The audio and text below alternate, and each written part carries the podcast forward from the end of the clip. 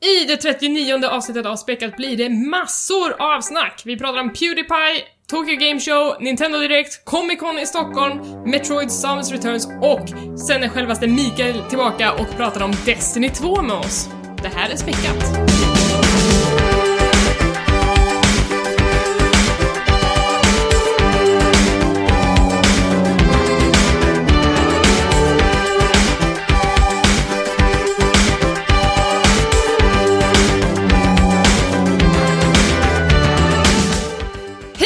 Välkomna till Späckat, en podcast om spel och allt runt omkring. Det här är avsnitt nummer 39. Vi eh, har en gäst med oss idag, Mikael. Hej hej. Och jag heter Elisabeth och sen så har vi som vanligt Tommy Hej. och Niklas. Hej! Och Micke, det, honom kan man känna igen om man har lyssnat på Späckat tidigare, för du har väl varit med hur många gånger nu? Två? Eh, ja, jag tror det är två gånger. Ja, bland annat som moderator på, på, på ett Goti-avsnitt 2016. Eh, men också som Warhammer-expert. Men idag är du här i en egenskap av en annan slags expert, nämligen Destiny. Ja, precis. Det kanske blir mer Warhammer framöver med tanke på att det kommer lite releases. Men just nu är det Destiny, vilket jag har lagt kanske för mycket timmar i av mitt liv. Och vi ska prata mer Destiny alldeles snart. Det blev typ i slutet av avsnittet i och för sig. Men... Så spola fram. Spola fram till typ Ja, slutet. då går jag. Hej då! Eh, men, men eh, Tommy och Niklas, ni är här liksom som vanligt. Hur mår ni? Ja, men jag är lite mysstämning just nu. Jag brukar annars stå upp när vi gör den här podcasten, men jag har bara lagt mig ner på golvet nästan. Nej, men jag ligger hängandes över två fot fåtöljer nästan. Så jag, jag, jag trivs just nu. Hur går det med magstödet då? Hur går det med, jag vet inte, du skulle blanda in min vikt helt plötsligt. Jag bara tog på min mage. Nej, men, det, ma, ma, ah, men precis, nu, jag vet inte. Vi, vi får väl hoppas att det låter relativt bra i alla fall. Du tänker att man måste stå upp för att man ska få det riktiga... Nej, jag står, jag står inte upp heller, så att... Nej. jag försökte bara skamma lite grann. Ja. Eh, Niklas då? Jo, det är faktiskt bra. Eh, Jag är li lite nervös. För jag, eh, jag har en sak att berätta för er. Oj. Mm. Jag har köpt en Nintendo Switch. Oh my god, I'm so happy for you! Ja. Hur känns det? Det känns, eh, det känns helt rätt. Det var ett tag sedan sist jag hade en Nintendo-konsol hemma. Jag tror det var liksom GameCube, Nintendo DS-eran, eller vad man säger. Så, men nu har vi en eh, Nintendo Switch i det Lundqvistska hemmet. Ja, vad, vad ska den heta? Eh, heter Tommy. Och vad blev första spelet? Zelda. Nej, det blev det här uh, Snipperclips som jag har hört så mycket gott om. Eh, nej, det blev det faktiskt inte. Det blev, eh, det blev Mario Kart, lite så här. eh, det känns som ett säkert kort. Eftersom vi är flera också som ska eh, använda det. Men eh, Jaha, just det, du ska tjuva runt på Zelda bland vänner. jag är ju sist ut av de som köper Switch, eh, känns det som. Så jag kan ju liksom bara knacka dörr här och hämta in alla spelen. Det har ju i och för sig du också gjort Tom, du har ju lånat spel av Elisabeth till exempel. Så det, Ja, men nu pratar vi om dig. det är bara att skicka vidare sen när du har spelat klart det. Eh, Ja, men det, det stämmer ju. Tommy, du har varit hos mig och, och snott Splatoon. Vad, vad tycker du om det? Eh, Splatoon har gjort en dundersuccé här hemma faktiskt. Jag, jag älskar det mer än vad jag trodde jag skulle göra faktiskt. Det är, fan vad, jag visste inte att matcherna var så jävla snabba och intensiva. Det är nästan själva stora behållningen med spel tycker jag. Hur, hur långa är matcherna? F- fem minuter? Ja, de går ju på tid också, så att det finns nog ganska exakt fem minuter eller så. Ja, men Den tiden. Nej, men jag, jag tycker det är otroligt kul och jag gillar det här, äh, för en gång skulle det liksom ett multiplay-spel som inte går ut på att man ska liksom ta död på allting som rör sig, utan du skulle liksom bara färga banan. Alltså det låter ju, det låter ju supertrist när man pratar om det, men det är faktiskt otroligt kul och det finns väldigt mycket så här, olika vapen och äh, uppgraderingar och sånt man kan göra och pilla med sin karaktär. Nej, men det har, både hos mig och min fru har verkligen gått hem. Så min fru har gått hem ännu mer. Hon ligger väl 20-30 level för mig nu. Nice. Men eh, någonting som vi glömde att nämna när vi väl pratade om Splatoon här i podden var ju Salmon Run. Har du hunnit köra det någonting? Är det där Det singeln? här är PVE Horde Mode-grejen. Nej, jag, jag har kört något single player-grej väldigt snabbt. Jag vet inte om det var det, men Nej. alltså det var tio minuter sen. Det är multiplayer jag fokuserar på. Det, det, Ja, men. Salmon, Salmon Run är multiplayer, men det är liksom fyra spelare mot datorn. Så Mhm. det kommer, det är nämligen öppet bara vissa dagar, så du kan inte köra det varje dag av någon sjuk anledning. Eh, men det kommer liksom horder av laxar och så ska du samla deras ägg.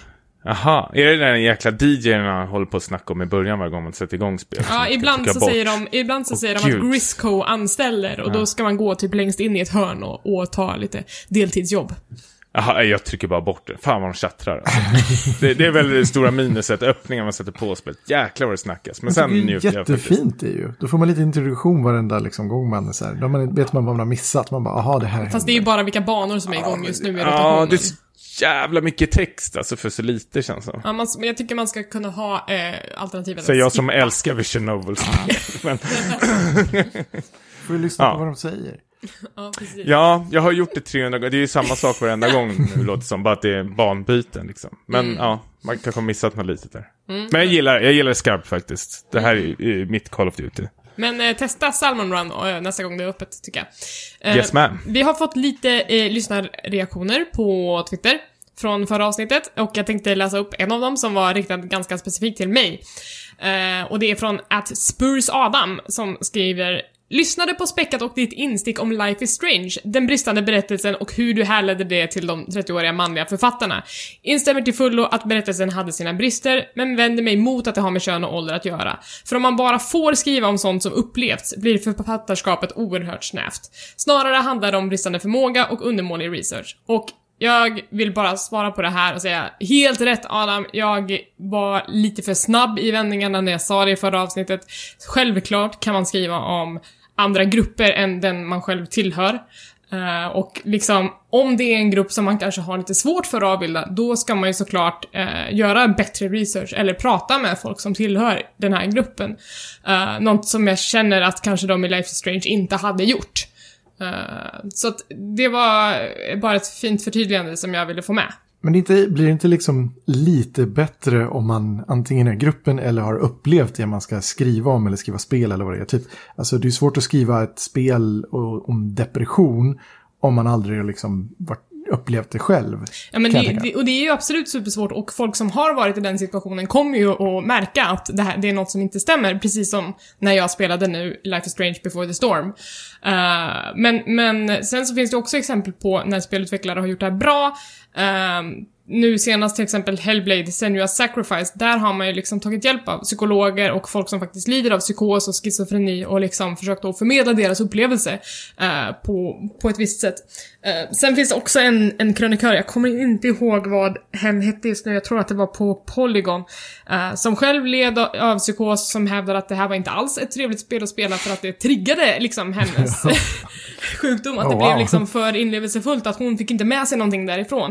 Eh, så att det är klart att det, det är så supersvåra vägar att vandra, speciellt, speciellt när det handlar om liksom, psykisk hälsa och sådana grejer. eh, som Life is Strange delvis gjorde. Så att det är skitsvårt att hitta rätt, men man kan ju göra eh, jobbet för att komma så nära som möjligt. Men har inte jag helt fel nu, men är inte Bioware väldigt duktiga på det här eh, med att eh, kolla upp, nu, nu behöver det inte vara just eh, psykisk hälsa och sånt där, men jag vill för mig att det är väl någon Dragon Age-grej att det var väl någon, nu kan jag inte den här historien helt rätt, men det var Jo. väl någon kvinna som jobbade där som sa väl uppriktigt att, eh, men så här pratar vi inte, det här låter ju bara, bara konstigt. Du kanske kan den här historien bättre än mig, Elisabeth. Eh, Men, det, det jag har färskt i minne från Bioware är ju när eh, de skrev Crem till Dragon Age Inquisition. Eh, som då skulle för, försöka förmedla till spelaren att, att han var en transman. Eh, och det ursprungliga manuset som Krem hade visade de upp för, för personer som, som eh, var trans, eh, och de sa att det här funkar inte alls. Eh, det är den senaste Bioware-historien jag har hört i alla fall, men det har nog skett fler gånger för att Bioware är ju duktiga på att liksom försöka Just eh, det. representera och så vidare. Just det, jag kommer ihåg den scenen och det klippet när typ bland de första grejerna hen säger att så här, ja by the way, jag är trans. och man bara står där, ja det var ju ingen som frågade om det, men okej. Ja, och, och, och, och liksom vissa av de grejerna är ju liksom hur, hur svarar din karaktär på det och hur, hur hanterar Krem det när man eh, frågar och så vidare. Eh, men ja, så, så självklart, det, ju mer jobb man gör desto bättre blir det. Men, men eh, så att jag vill inte säga att ah, är du 30-årig man så kan du inte skriva tonårig kvinna. Klart du kan, men gör jobbet. Typ så. mm, ja, Ehm, fair.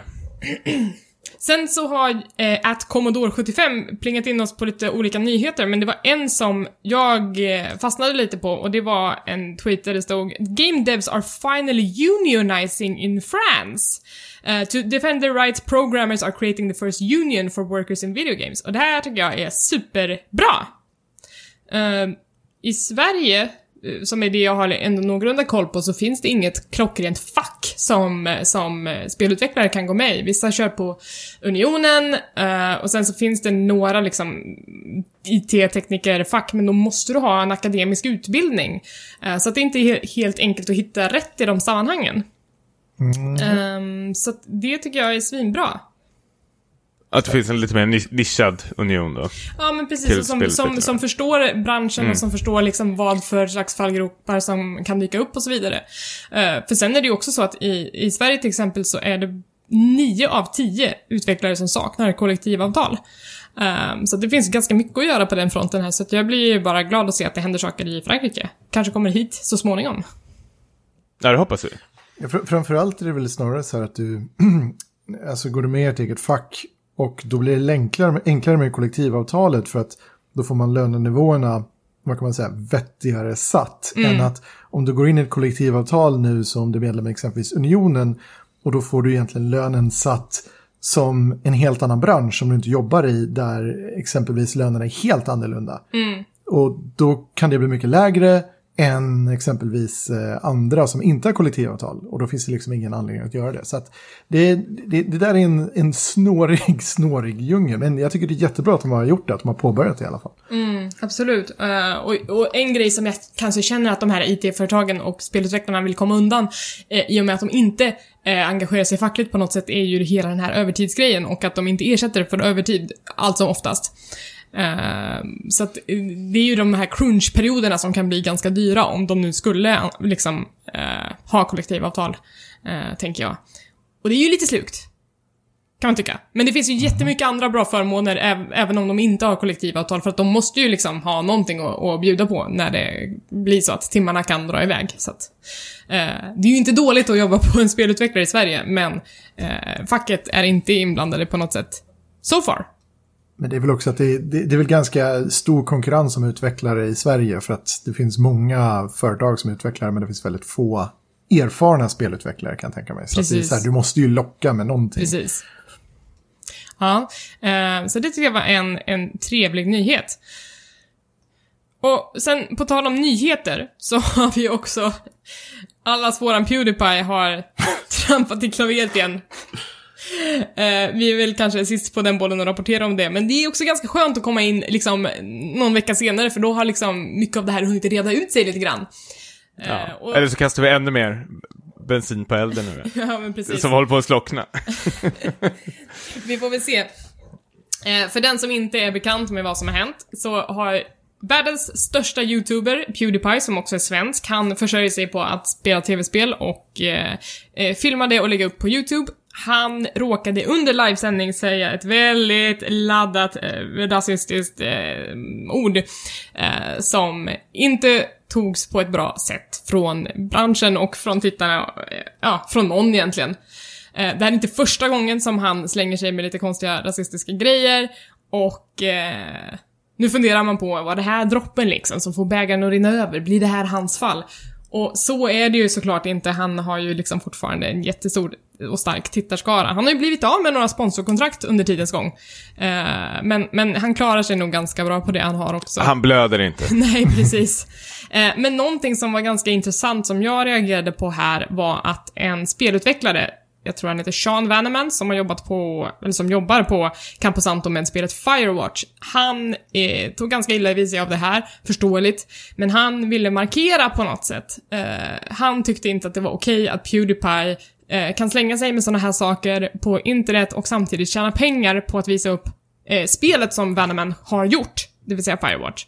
Så att han skrev att vi kommer göra en eh, copyright takedown på videorna där Pewdiepie spelar Firewatch, för vi vill inte associeras med honom och vi vill inte att han ska tjäna pengar på det som vi har gjort.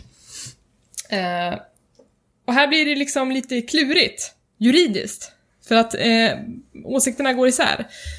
Eh, har ni följt det här någonting? Du tänker med copyright och allting och rätten dels till det, att dels det, använda. Vi kan ju säga också att Pewdiepie har gått ut och bett om ursäkt eh, för hela den här affären. Bara för att en dag senare nästan råka säga det igen. Samma ord. Nej, det, det hände typ. Alltså han spelade Battlegrounds en gång till och han håller på att säga det, kommer på sig själv och bara Fan, det gick en dag och jag kan inte hålla mig. Så att det, det finns ju liksom någon slags ingrott vokabulär Någon som han behöver... Tourettes-grej nästan. Ja, som han behöver jobba bort lite grann. Det, det, det är lite märkligt med det här, för som någon sa att det är ju aldrig när jag sitter själv hemma eller sitter med andra som jag typ av olyckshändelse vräker ur mig ett sånt typ av ord. Alltså visst, man kan använda grova ord, men inte liksom i, i den nivån. Liksom. Och det, det är lite så här, folk spekulerar typ så här, men ingår det då i hans vanliga liksom harang eller jargong när han är hemma eller med polare liksom att bara så här slänga sig med sådana ord konstant eller var det här bara liksom en slip-up eller någon, alltså hela den här kan säga, diskussionerna efteråt och sen hela den här delen där Pewdiepies armé kommer och bara nej men du, det händer vi alla människor, det här är lugnt. Mm. Jag är inte så imponerad av de grejerna. De som går, springer till försvar här, för som sagt, det är inte första gången han har eh, hållit på med det här. Det var ju tidigare, tidigare så hamnade han i, i blåsväder för att han eh, uppmuntrade folk att hålla upp en skylt där det stod Döda alla judar. Ja, alltså det, det, jag, jag tror Pewdiepie försöker, men så misslyckas fatalt. Det är väl att de försöker vara någon slags tuffing och fel, men kanske någon... Det är ju samma sak med det här judeskämtet han drog eh, för, för, några månader sedan också, att det ska vara... Det är väl hans typ av humor, tror han. Och han, han vill provocera. Ja, det vill han, men det faller så otroligt platt. Det är ju inte kul, det är ingen som... Jag, jag kan inte säga ens någon, någon som tycker det här är kul, men sen börjar man väl liksom diskutera hur det här ordet ska användas och att liksom det är okej om att man liksom gör lite så här, att det, vad, vad säger man, en liten groda kommer ut i munnen. Men jag tycker väl, eh, nej, det, det är som Micke säger, det, det, sådana ord används inte hemma här i alla fall. Aldrig. det är liksom, ja. Eh, jag läste ju lite, det var någon som hade skrivit lite grann om det där och sa det att den här YouTubers, det finns fler fler och fler YouTubers som försöker vara mer och mer så här edgy och komma med sådana här Pewdiepie-grejer och använda sådana ord och liksom försöka vara liksom icke, hur säger man det, PK inom citationstecken. Ja, men man vill ju bli mer och mer extrem och man triggar ju upp varandra till att vem ska liksom ta nästa steg och vem tar nästa steg. För den som blir mest grov får mest tittare och flest klick liksom. Ja, ja, men det är, så här, det, det är deras sätt att vara någon typ av så här rebeller mot alla. Problemet är att det är typ, det är, ingen, det är inget bra sätt att vara rebell på. Det är typ det sämsta och det mest tragiska sättet att vara rebell på. Det är ju sådana grejer som typ så här fem och sexåringar gör liksom. När de springer omkring och ropar röv på köpcenter och man hoppar där och bara nej, säg inte det här ute. Pratar du från egen erfarenhet? Har du gått runt och skrikit röv? nej, jag, jag kanske skrek saker men eh, det, det var nog... Kanske jag, jag vet inte om det var grövre eller mindre grövre än Nej, röv, men jag menar, vi har, vi har alla varit tonåringar och försökt provocera någon gång, men, men Pewdiepie börjar ju liksom närma sig 30 nu. Eh, It's not a face mom! Nej. Eh, men sen har vi hela den här copyright-grejen och jag tycker att den här är så otroligt intressant för att eh, alla YouTubers lever lite på nåder eh, av de här spelutvecklarna. Att alla som gör såna här Let's Play-filmer, det vill säga att de spelar igenom nästan ett helt spel och pratar över det, det är egentligen ett brott mot upphovsrätten. Eh, för att du delar med dig liksom av hela produkten och dina YouTube-filmer kan ses som en ersättning för att folk inte ska behöva köpa produkten. Eh, så att vissa liksom kan säga att ah, jag köpte inte spelet, jag tittade på en Let's Play istället. Så att på ett sätt är det jätte, jättebra marknadsföring att folk får se skitbra spel, kul, fint, bra. Men det kan också vara liksom en, en förlorad försäljning. Eh, men, men eh, egentligen så bryter de här Let's Play-filmerna mot upphovsrättslagen. Eh, I USA då kanske främst är väl det som det handlar om nu. Eh, men utvecklare låter vanligtvis de här filmerna ligga kvar för att de ser ett PR-värde i att de finns. Men eh, hypotetiskt så skulle de när som helst kunna ta bort eh, filmerna av absolut ingen anledning alls. Just för att det är liksom en, en olaglig spridning av spelet. Jag, jag är inte Nintendo det här. Nintendo gör det här ibland. De har ju liksom ett program som säger att antingen så skriver du upp dig på att bli någon slags Nintendo-certifierad streamer, men då får du bara göra Nintendo-spel på din kanal. Eh, och då kan du få ta del av en del av annonspengarna. Men om du inte är ansluten till den här, då kommer de plocka bort ganska mycket filmer och jag tror att det har främst med musiken att göra. Eh, jag, tror att, jag tror att det oftast är på det som, som folk åker. Eh, men De får vänta i, vad är det, 70 år? Ja, precis. Vad är det, fem- 50 år efter upphovsmannens död. Ja, precis. Eh, men jag tror att det är på, på det sättet som de kan se att oj, nu är det någon som har lagt upp en film på vårt spel, let's take it down. Eh, men ja, tekniskt sett så kan Camposanto ta bort de här Pewdiepie-filmerna och det har de gjort. De har ju liksom anmält ett upphovsrättsintrång och YouTube tar ner sådana anmälningar direkt för att sen ligger det på videoskaparen, det vill säga Pewdiepie, att göra någon slags motanmälan och säga att nej, jag äger visst det här materialet, men det skulle aldrig liksom hålla i en, i en domstol. Eh, men jag tycker att det är liksom jag tycker att Camposanto vandrar på en farlig väg här för att den här tysta överenskommelsen mellan streamers och upp, eh, spelutvecklare, eh, den skakas ju liksom om i grundvalarna när utvecklare börjar liksom använda copyrightlagen för att göra någon slags personligt statement. Eh, och det tycker jag kan bli ganska farligt. Jag förstår att Camposanto inte vill att Pewdiepie ska tjäna pengar på det här, men jag tror inte att det är deras ansvar riktigt att, att, att eh, vad ska man säga, göra en sån här blockad mot Pewdiepie. Och speciellt inte med det verktyget. Det är ett underligt sätt att göra det på tycker jag. Vad, vad, vad tänker ni Tommy och Niklas? Nej, Det är, jag tycker det är jättesvårt. Alltså, samtidigt så tycker jag att de gör ett väldigt tydligt statement att eh, det här står inte vi för och därför tänker vi göra det här att vi vill inte bli förknippade med det. Vilket är, alltså på sin yta när man läste det första gången att gud vad bra. Och sen är det precis som du drar upp nu Elisabeth att det får, får ju liksom konsekvenser mot andra spelare. Eh, så och samtidigt kan ju inte de leka någon slags sån här censurmänniskor, alla spelskapare där ute och hålla på och leta efter videoklipp och liksom vilken det passar för. Att man liksom segmenterar alla spelare, vilka, vilka som får spela det här spelet och lägga upp det och vilka som inte får göra det. Eller om man liksom ska, ska dra alla över samma liksom kam. Eh, så, ja, jag vet inte. Nu i efterhand så tycker jag väl att eh, slag på fingrarna och bara säga att det här, äh, fan jag tycker det är svårt alltså.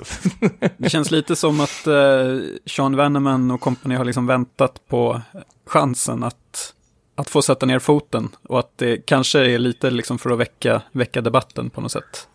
Ja, absolut. Eh, men är det några andra utvecklare som har hakat på då? Vet du det, Elisabeth? Eh, Jag vet att Simogo, som är svenska, de, de sitter i Malmö och gör mobilspel, de har skrivit en tweet om att de, eh, de skulle uppskatta det om Pewdiepie tog ner sin video där han spelade deras spel Yearwalk. Men jag tror inte att det har blivit några andra copyright strikes. Däremot så har flera YouTubers som jobbar i samma segment och bransch som Pewdiepie gått ut och sagt att Eh, de tycker att det är förjävligt att Pewdiepie håller på så här för att han liksom skakar om även deras förutsättningar för att tjäna pengar. Eh, rätta mig om jag har fel, men sen ganska kort efter det här så, så uppdagades det att när man är annonsör på YouTube så kan man nu mera kryssa ur att synas på gaming-relaterade videos. Ja, det, det stämmer. YouTube har ju lagt till flera, om man säger, exkluderingar för vilken typ av miljö du vill synas som annonsör. Nu vet jag det för att jag well, jobba med det här. Ehm, men de har också lagt till en, att du kan exkludera gaming helt. Och det är ju lite så här, alltså att den är specifikt liksom i ett, i ett segment där du så här, du ska undvika kontroversiellt, da da da. Och så finns gaming där också. Mm, så att det är liksom såhär, ja jag vill inte synas på politiska videos, jag vill inte synas på eh, vad det nu kan vara, men också gamers, att det blir liksom ett laddat ämne och det är ju liksom tack vare att eh, youtubers som Jontron eller Pewdiepie liksom har surat ner den här Let's Play-kulturen ganska Men fan är mycket. John Tron, förlåt. God, no, no, no, Vi, no, vi, no. vi ska inte vandra den vägen, det är också en jättestor youtuber som har eh, ja, eh, gjort lite tråkiga Han uttalanden. hade härdsmälta på en stream kan man säga. Och eh, det var inte typ, det var, vad kan man säga, det var lite värre än, eh, än eh, Pewdiepie. Ja, men, men eh, jag vet inte, de här youtubersarna, de kallar ju det här för the adpocalypse. Att eh, det blir svårare för dem att tjäna pengar, speciellt om man nu är i gaming-segmentet. Och det är liksom på grund av att vissa inte kan sköta sig och liksom försöker pressa gränserna hela tiden. Det, det är ju svårt också med tanke på att alla de här, eh, om man tittar på YouTubers, har en så pass stor personkult kring sig. Att de har så mycket folk som försvarar dem. Vilket gör ju det att de kan inte kritiseras utan att få liksom supermycket dåliga reviews. Som jag sitter just nu och tittar på Firewatch eh, Steam-sida där det är, det är ganska mycket neråtpilar här kan jag säga. Mm, och det har ju kommit de sen, den senaste Okej. veckan bara. Ja. Så att det, den var liksom, den är fortfarande på very positive och jag antar att Steam kommer rensa bort de här, vilket de brukar göra, för att eh, de ska ju recensera spelet, inte utvecklaren. Eh, så, men, Men ny- nyfiken fråga här, hur ställer sig Twitch mot det här? För det var ändå på Twitch han sände det här, äh, har jag för mig va? Twitch har ju en code of conduct. eh, Precis, så jag vet ju andra streamers som har blivit äh, avstängda för, ja, betett sig liknande. Men jag undrar om de behandlar Pewdiepie som någon, jag vet inte, för de ser väl pengar i honom kanske. Nu är jag väldigt cynisk här kanske, men Jag har inte sett att det har blivit några sanktioner ifrån Twitch mot Pewdiepie eftersom han har fortsatt att streama efter det här, men, men det finns ju en code of conduct som säger att du, du ska inte göra si och så och si och så, men, men det är ju ganska många som slipper undan den radarn och har gjort så i det förflutna också. Och jag tycker också att det ligger lite på YouTube också att liksom ha en koll på, är, ja, är eh, Pewdiepie någon slags signad personlighet och som, ja, se över det kontraktet, ska han egentligen hålla på så här? Även om det innebär jättemycket pengar för dem, men det skadar ju liksom deras varumärke för att då, inte heller de sätter ner foten när deras absolut största YouTuber liksom härjar. Ja, YouTube gjorde ju det. De eh, skulle ju gå in med en deal med honom i YouTube Red. Ja, det var förra gången. Ja, exakt. Men den, den tog de ju bort helt och Disney hoppade ur samarbetet. Så att, alltså, visst finns det om man säger företag som kan liksom sätta press på eh, den här typen av personer. Och det finns ju alltid för att det är deras inkomstkälla, det är här de tjänar pengar på. Och ifall de skulle bli av med det, då är det liksom väldigt risigt till. Um, och som det är nu tror jag, alltså Pewdiepie på YouTube har väl en strike där och två till så är man ute permanent. Vi får väl se. Om, eh, om han är en helig ko för YouTube eller om även han är mänsklig. ja. Ja. Bete er nu för fan. Visdomsord från Tommy. Bete dig, för fan. Ehm, på lite mer trevliga nyheter så har det varit en del eh, spelkonferenser, eller spelrelaterade konferenser, eh, med en massa härliga nyheter, för det är inte bara E3 eller Gamescom där det kommer nyheter, utan eh, även några andra. Till exempel på Apples konferens där de visade upp typ såhär nya iPhone, nya Apple Watch, så dyker That Game Company upp, som vi känner igen från Journey. Och de presenterade ett nytt spel som heter Sky. Sen får vi se liksom, är det här Apple-exklusivt? Hur kommer det här se ut? Det, det finns många frågor runt det här spelet, men det såg superfint ut. Eh, Tommy, du har ju kollat på Sonys presskonferens på Tokyo Game Show. Ja, hoppar ni den eller? Nej, jag tittade med ena ögat. Ja, men jag, jag satt på jobbet och jag tittade också med ett öga på någon, någon Twitch-kanal som hade liksom, de satt fyra snubbar och kommenterade över. Jag har inte kollat på det alls. Ja, men jag, jag, jag tittade på den live och jag, jag satt som klistrad. Jag, jag tyckte det här var mycket eh, rappare och skönare tempo än eh, årets eh, E3, om jag får säga. Det känns som de bara liksom sköt ut trailer efter trailer som liksom var nerklippta på, ja, vad var det, två, tre minuter som max. Vilket var väldigt eh, härligt för mig. Eh, och sen, visst, man skulle, jag vet att de måste ju alltid gå upp på scenen och hålla på och prata om sina jävla Playstation-konsoler. Vi fattar att ni säljer Playstation. Så de bara, ja men vi har tio olika nya färger. Ja, kul för er. Och så står de och håller i den här jävla konsolen. Då stängde jag av ljudet så satt och började jobba på riktigt när de står och pratar om någon konsol. Men sen när trailerna kom upp så eh, satt jag som klistrad. Och det var mycket, mycket, mycket gott vi fick se faktiskt. Eh, jag, jag är ju... Hittar ni någonting bra förresten? Jag har bara en highlight från den här konferensen och det är att mobilspelet Neko Atsume kommer till VR. Ni vet det här, det här spelet där man, där man har ett hus och så kommer det katter och så liksom, så vill man att många katter ska komma och hälsa på ens hus. Nu kommer det till VR, ja. De har 60 FPS. Full HD. Det var min highlight. Nej, men där, där jag verkligen trillade av stolen var ju först visade de ju Earth Defense Force eh, 5 som kommer komma ut nu i, eh, runt jul, där runt december. Och eh, för er som inte känner till det så är det någon slags eh, super mayhem-spel där du spelar fyra spelare med dina vänner som liksom ska bara skjuta de här utomjordingar som liksom tar över Tokyo och liksom trampar sönder de här höga skyskraporna. Men det som gör det här spelet så jävla älskvärt är att när det kommer så sjukt mycket fiender på skärmen och allting bara rasar är att det laggar som fan. så det blir så här, alltså det, det, och det är roligt, det tar ju inte sig själv på, så seriöst heller. så det, ja, jag vet, det är en av lätt mina favorit-co-op-spel genom tiderna. Så jag är otroligt peppad. Men sen helt plötsligt bara slänger man ut en till Earth Defense Force-trailer det till ett annat spel. spel. Det kommer två och den var typ såhär, då snackar de engelska och typ var såhär sjukt vemodiga, typ såhär Well, the earth is under attack. Det känns som någon slags såhär Jerry Bruckheimer production eller någonting såhär. Eh, så, jo, men det, det såg ju helt underbart ut det också, men det var inte den här uh, Lattjo känslan man fick i dem, som man får i de andra spelen. Men sen har vi ju Vanillaware, eh, två spel visar de upp. De visar upp det gamla Dragon's Crown och det nya eh, 13 Sentinels. Dragon's Crown är ju någon slags eh, sidskrollande, eller alla deras spel stort sett är ju någon sidskrollande Eh, och otroligt snygga. De är väldigt kända för liksom att ha så sjukt snygg grafik och väldigt bra gameplay. Men så jävla skeva karaktärsdesign. Såg ni något av de här två trailerna? 13 Sentinels eh, såg ju väldigt, eh, såg väldigt vackert ut tycker jag. Alltså grafikmässigt.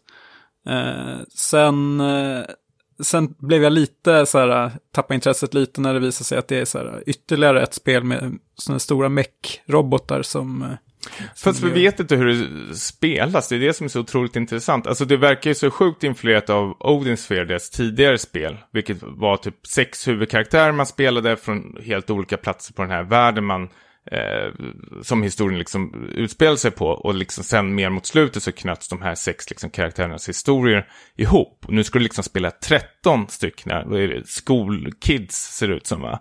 Och jag tycker den här miljön de rör sig runt i Tokyo ser så jäkla snyggt ut. Men samtidigt är det så här, och det är så sjukt snyggt, sjukt snyggt. Och sen visar de upp alla de här bilderna på tjejerna och killarna. Då är det så här, okej, okay, midja, midja, midja. Och sen är det någon som bara trycker en så här rövrakt ansikte på en så här tajta, korta shorts. Och det är så här skolungdomar, hur gamla kan de vara? 14, 15, 16 år liksom. Man blir så här, oh, gud, varför gör varje spel ska de Ja, för är inte det här lite symptomatiskt för Vanillaware? För det känns som att varje gång du kommer till podcasten och har spelat något nytt Vanillaware-spel eller har sett någon trailer så är det liksom alltid den här kvinnosynen som, som blir skev.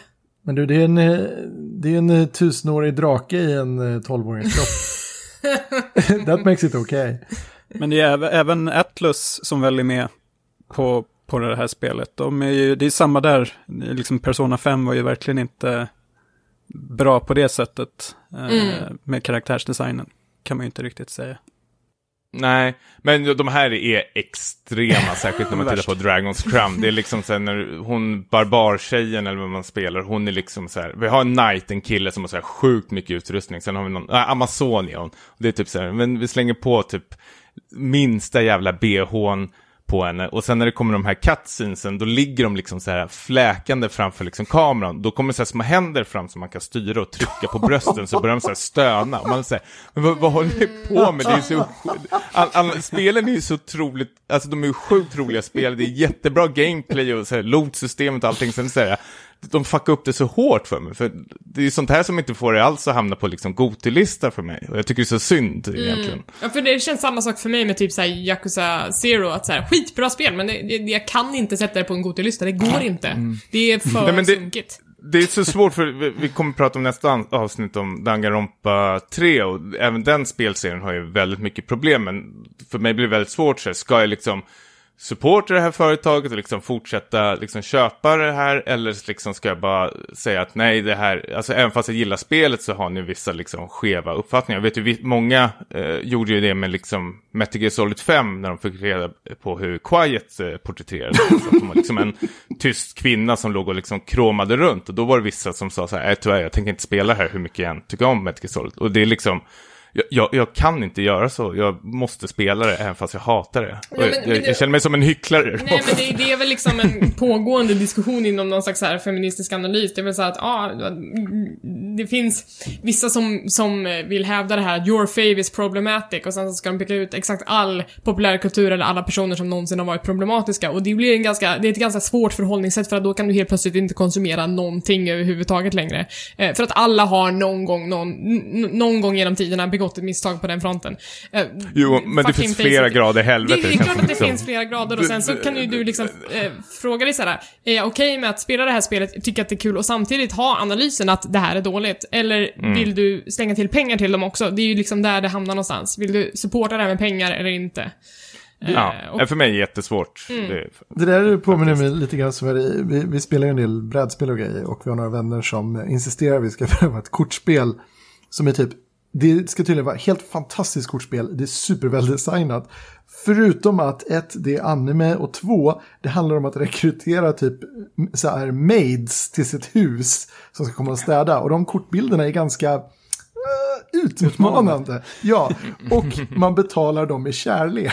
Oh Jesus. Så det är så här, men hela speldesignen är helt amazing. Det är bara liksom själva utseendet är, it's weird. Men där kan man klistra på någonting annat och byta ut kärlek mot en annan valuta kanske. Ja, precis. Kan vi bara göra en rehaul på hela spelet och bara göra det till typ hundar och så kan du betala dem med mat liksom. Jag tror det är lättare att komma undan när det är fysiska kopior och grejer, men liksom när det är digitalt, man måste liksom, eh, liksom gå igenom allt det där skiten, även fast man tycker om det. Även fast man har väldigt kul med spelet så blir det väldigt svårt liksom. Det suger ur en ur den här eskapismen man kanske får i ibland i vissa spel, så bara, åh nej, vad händer nu? Fast det är, väl, det är väl lite så här, um, om man tittar på, jag, jag gillar inte från början just där i vissa spel att så här, ah, man kan dejta och det finns sexscener och så. Jag var så här, nja. Men sen när jag blev lite äldre såklart så började jag inse det att, men vänta, jag behöver ju inte göra det här. Och för, det här är ju till för folk som tycker om att liksom få den här sociala biten och skärma karaktär och dialoger och grejer, medan jag kanske är mer intresserad av combat-grejen. Och då behöver inte jag ens titta åt det hållet och bry mig överhuvudtaget om det där. Varför är vi ihop? Men, men vi kompletterar varandra så bra. Du kör story, jag kör gunplay. Ja. Mm. Eh, men eh, om vi ska gå vidare lite grann i Tokyo Game Show. Monster Hunter, Tommy, berätta. Ja, jag har ännu ett nytt Monster Hunter. Nej, men jag, jag är pisspeppad. Jag fick jag för mig att prata med dig och Niklas eh, utanför podcasten och försökte få med det här. Det var, det var liksom icke. Nej. Men liksom när jag såg, nej, nej, men äh, jag fick inte den här peppen, men för mig är det liksom så här, äh, det, det, det känns som liksom ett Destiny, du, du spelar med liksom dina kompisar, samlar loot och dräper de här sjukt stora monstren. Jag älskar, alltså särskilt den här trailern man fick se på Monster Hunter är ju den här mo- monsterdesignen. Tittade ni på den här senaste trailern? Eh, jag, jag slängde ett öga på den.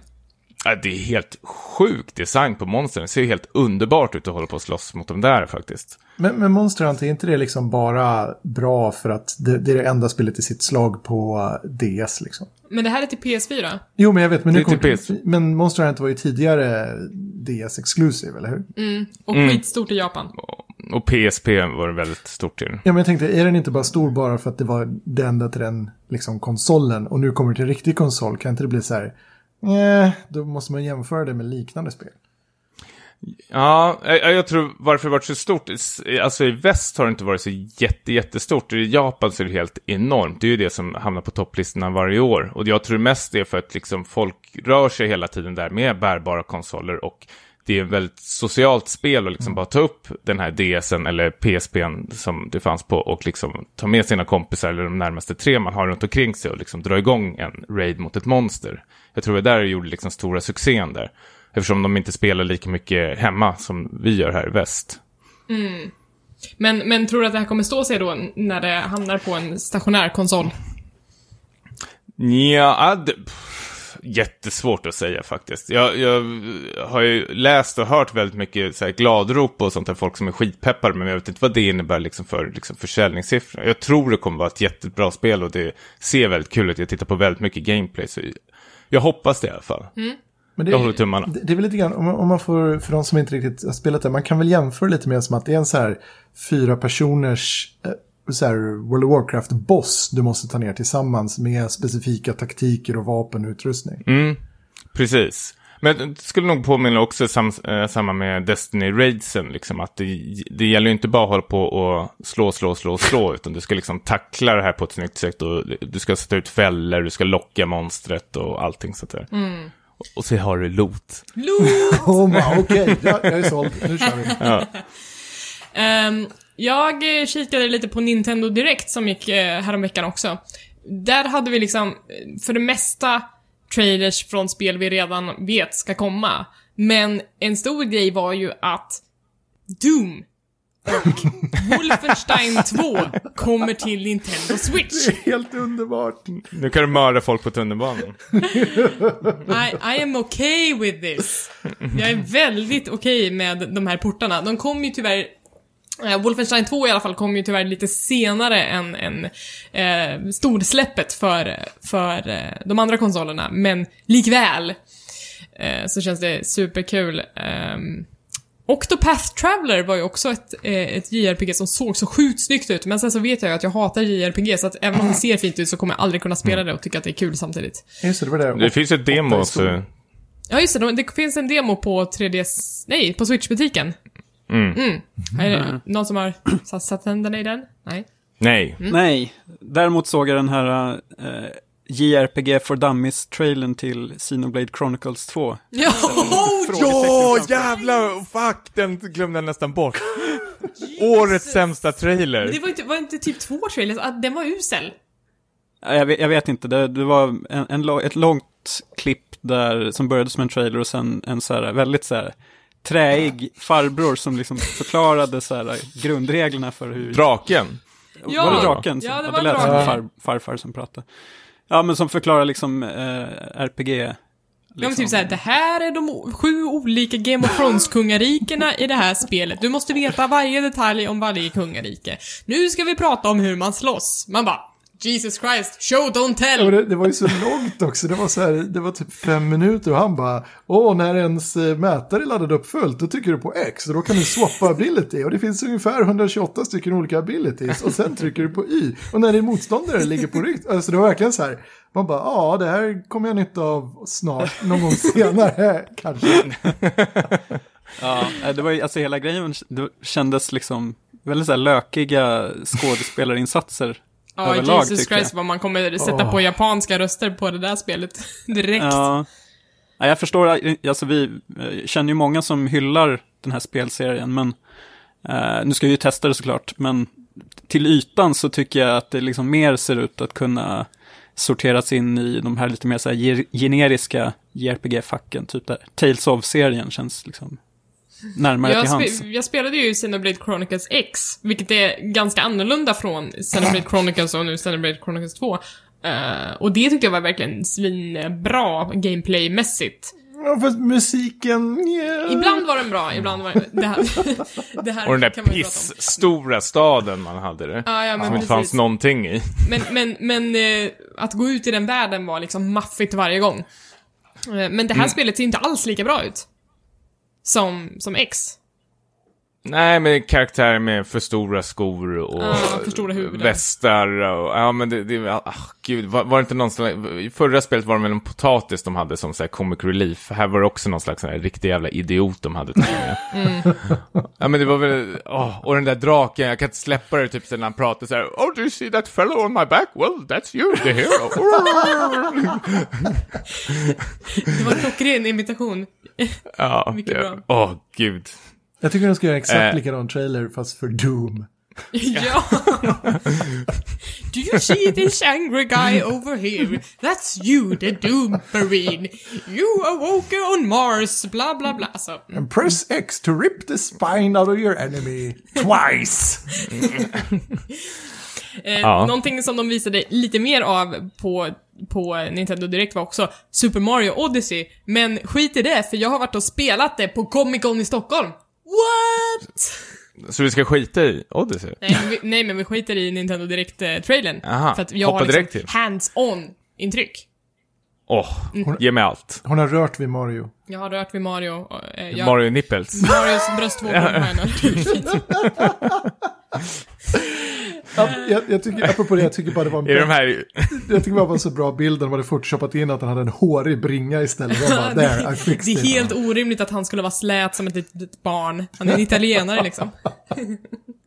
Han kanske vaxar sig. Ja, det kanske han gör. Han, Så, kan gl- så han glider lättare genom de här pipesen. ja, och han är ju på stranden trots allt. Ja, Han måste ju precis. förbereda sig. Riktig jävla strandragger.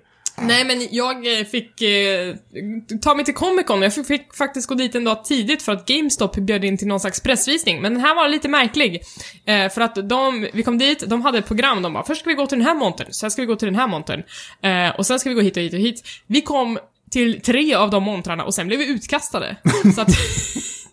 Vi fick, vi fick inte the full experience of Comic Con, så jag var tvungen att gå tillbaka dit på söndagen för att prova alla spel jag ville Men- spela. Men det kanske var Comic Con experience. De bara, skynda, stressa, stressa, stressa. Och nu, nu är det mycket folk här. Eh, ah. men, men Super Mario Odyssey var ett av spelen jag provade där och eh, de hade två banor man fick prova. Man fick köra lite free roaming i New Donk City, den här sta- stadsmiljön som vi såg i första trailern. Och eh, sen fick man också hänga i någon slags öken och eh, plattforma lite där. Och eh, alltså rent spontant så känns det, det känns klassiskt Mario, det känns snyggt, det känns eh, väldigt fritt och eh, det känns som att eh, Mario och Zelda rör sig lite i samma område just nu med liksom de här miljömässiga pusslerna. Eh, Mario har väl liksom alltid varit där på ett sätt, men nu känns det som att det finns mycket mer upptäckarlust och så här, vad händer om jag går hit? Vad händer om jag går hit? Och, eh, och man belönas liksom varje gång man går någonstans för just att man är villig att upptäcka och leta efter nya saker. Men hur funkar det här med hatten nu då? Är det, har du kontroll på läget eller? Ja, men alltså... Hatten av. är ju ditt, ditt vapen. Eh, du trycker på, jag tror att det är både X och Y funkar som att du kastar hatten framåt. Du kan eh, hoppa på den så att du kan ta dig högre upp i luften. Ehm, så att om du liksom hoppar, kastar hatten och hoppar på hatten, då kommer du liksom dubbelt så högt upp. Eh, men sen så kom, det, kom jag till en yta där det var väldigt mycket bullet bill som härjade i luften och då sa Micke men kasta hatten på den så kanske de dör. Och så kastade jag hatten på den. Så blev jag en bullet bill! What? Eh, så då kommer vi till hela den här delen där Mario liksom besätter sina fiender och tar över deras kropp och använder deras färdigheter för att, för att ta sig framåt. Så att, eh, ja, det är verkligen så här sjukt okomplicerade kontroller. Det är hoppa och det är kasta hatten. Men det, är det där med hatten är den stora gimmicken med det här spelet. Ja, men precis. säga. Eh, och jag tror att det är typ en del av storyn också, att den här hatten letar efter sin fru och Mario letar efter Peach. så att de har liksom ett gemensamt ändamål.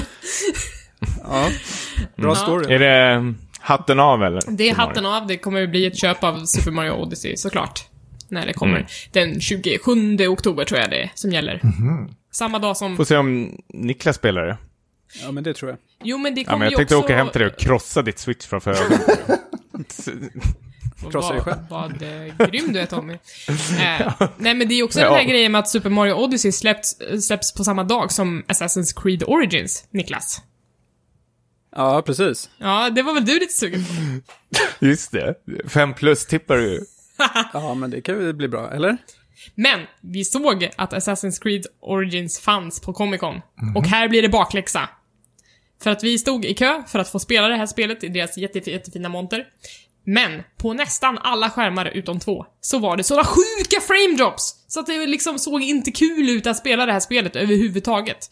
Då har de liksom botat upp eh, demon av Assassin's Creed på någon jävla burk, en PC liksom, och sen så satt en handkontroll och sen så liksom ut på mässgolvet och de här pc liksom orkar inte köra spelet så att det såg inte bra ut och då, då kände jag så här, hmm, Alltså, är man på en mässa om ert spel ska släppas om en vecka, då vill man ju att det ska se så bra ut som möjligt. Du vill ju inte att det ska stå och lagga liksom.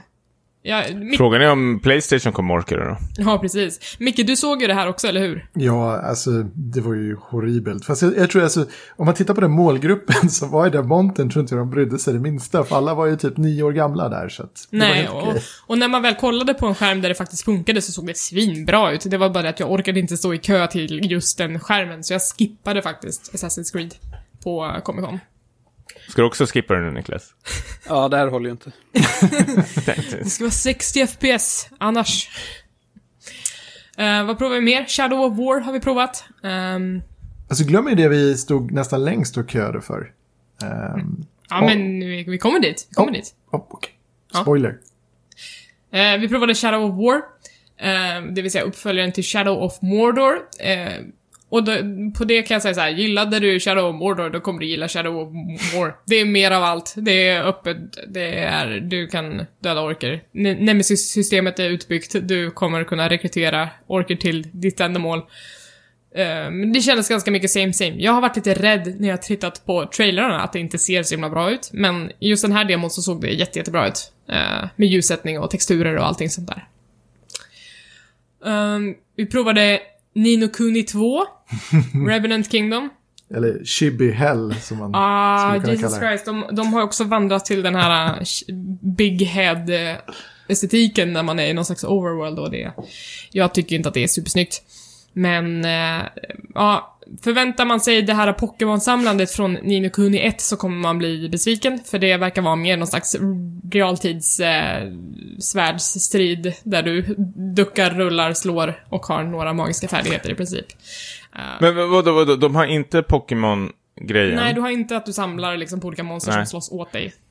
Men har du den här dumma cirkeln som var runt omkring en? Att man var så begränsad hela tiden? Jag spelade en demo som var liksom på en arena så att det blev liksom en naturlig cirkel runt. Ah, så det kan jag okej. inte svara på. Ja. Eh. Jag, jag nog kanske en av de få som tyckte det var ett så mediokert spel.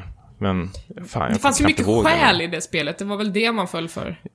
Ja, precis. Men jag tyckte gameplaymässigt så var det rätt så trist faktiskt. Du måste gilla det. Han vill ju bara rädda sin mamma. Kom igen nu. Han ska rädda sin mamma. Eh, där var Låter som också, du gillar det. Där var det också lite bakläxa på, på tekniken för att ljudet var helt åt helvete när man spelade det.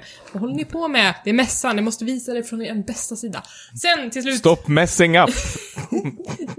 sen till slut så spelade vi Detroit Become Human i Sony-båset. Mm-hmm. David Cages nya spel som lovar mycket så här. Åh, storyn grenar ut sig, alla dina val spelar roll, bla bla bla. Och sen så får man spela det mest linjära demot som någonsin finns. Jag kände inte att jag hade någon valmöjlighet överhuvudtaget förutom att man ska liksom försöka eh, göra konversationsval. Eh, eh, och demon var liksom samma scenario som man såg i trailern från E3 förra året, när det är liksom någon som har tagit en, en, en liten flicka i gisslan och ska hota med att hoppa från ett tak med henne. Eh, och man ska försöka eh, deeskalera den här situationen. Eh, som någon slags utredare. Eh, Ja, det är väl just det att man är, man är en android och som är just den här, vad kan man säga, förhandlaren. Och det är typ unikt i den här världen att det är liksom någon som, eh, android som ska förhandla med en annan android, vilket människor ser på som jäkligt skumt. Men eh, det, det, alltså jag tyckte det, var, det såg intressant ut, om, om än just det där uppdraget var ju, ja, inte så mycket att hänga i julgranen, men Men eh, alltså, sen när man tittade på den senaste trailern, då verkar det som att det kommer vara ganska mycket story och det kommer bli någon slags robot uprising och hela det där köret. Så det, det kommer nog grena ut sig mycket, mycket mer än vad, vad vi har sett nu från början. Eh, Men hur kändes det liksom, fick du gå runt med karaktären och... ja, man får ju... Var det som Heavy Rain att man skulle liksom så svepa kontrollen och Ja. upp, ner? Ja, Ah, så, sådana grejer var det. Var, var absolut. Att man, eh, som den här förhandlaren, man går runt i lägenheten, man försöker hitta olika ledtrådar eller information för vad som har hänt i hemmet och eh, försöka hitta liksom Eh, konversationspunkter eller liksom saker som man kan dra fram i förhandlingen för att liksom spela på, på förövarens eh, känslor. Eh, och här kommer vi till liksom något slags pinnacle av den här mekaniken som är ganska så här eh, vanlig i sociala spel, att man ska säga det som personen framför dig vill höra tills de gör som du vill. Något som, som många kanske känner börjar bli lite överspelat. Eh, det har ju varit vanligt i till exempel sådana datingspel eh, och så vidare att såhär, ja ah, om jag säger det här då får jag två hjärtan, men säger jag det här då får jag tre hjärtan.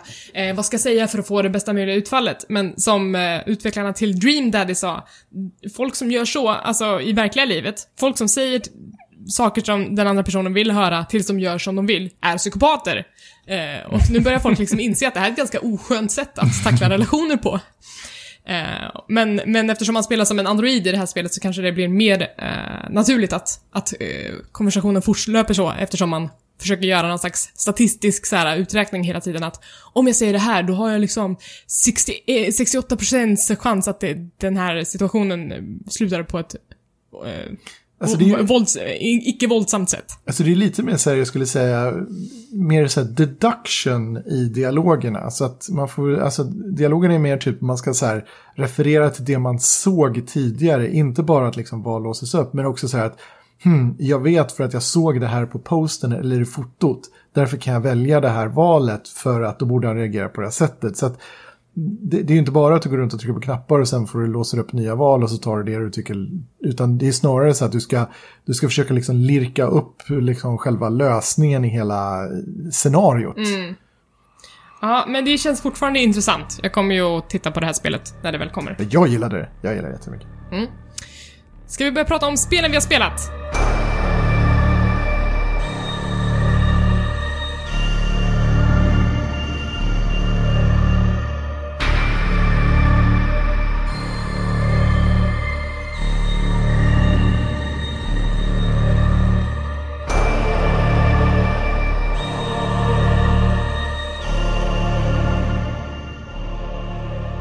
Vi ska prata jätte- jättemycket om Destiny 2 alldeles strax, men jag vill bara sticka emellan med ett spel, för jag har inte hunnit spela så mycket Destiny. Eftersom jag åkte hem till mina föräldrar i helgen, eh, när, jag, när det var tänkt att jag kanske skulle hinna spela som mest. Så då passade jag på att köpa nya Metroid Samus Returns till eh, min 3DS. Och... Eh, Mysigt. Semesterspel. Ja, men det blir lite så här, ja, åka hemifrån spel, spela på tunnelbanan eh, och så vidare. Så att jag har liksom mitt home-spel och mitt away from home-spel.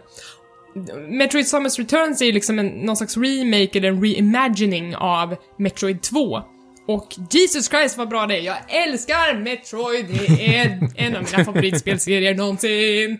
Eh, så det här känns ju som en, en upptrappning inför Metroid Prime 4 som vi någon gång kommer få höra lite mer om.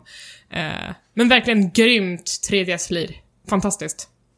Alltså det såg ju riktigt klassiskt ut. Det var så, man fick verkligen så här old school Metroid-vibbar när man typ letade upp de olika uppgraderingarna. Det var skitsnyggt, alltså de olika skotten och bollarna och... Man. Ja men precis, alltså eh, har man spelat serien kommer man känna igen sig. Eh, det är inte exakt likadant som Metroid 2 heller, utan man har tagit sig vissa friheter, eller liksom uppdaterat det för att det bara ska kännas bättre 2017. Uh, men, men eh, det finns en så otrolig framåtrörelse i de här spelen och det finns en, en problemlösning som är schysst och ni vet, nu för tiden så ska spel alltid vara så jäkla öppna med att man bara öh, du kan köra vilket vapen som helst, vill du skjuta någon med en kratta, gör det, vill du skjuta någon med en eh, liksom automatvapen, gör det. Men, men i Metroid är det liksom så här: nu har du fått den här, det här vapnet och det måste du använda i den här situationen. Eh, lös det. Eh, och det tycker jag är ganska uppfriskande i en sån här tid när man ska hitta sin egen väg hela tiden. Man bara, nej, det här är vägen du ska ta. Håll käften. Men är det fortfarande Metroidvania-aktigt Ja, ja, att absolut. det är backtracking och låsa upp saker? Absolut. Och... Du, Ja. du kommer känna igen varenda steg av det. Eh, men det är fortfarande svinkul.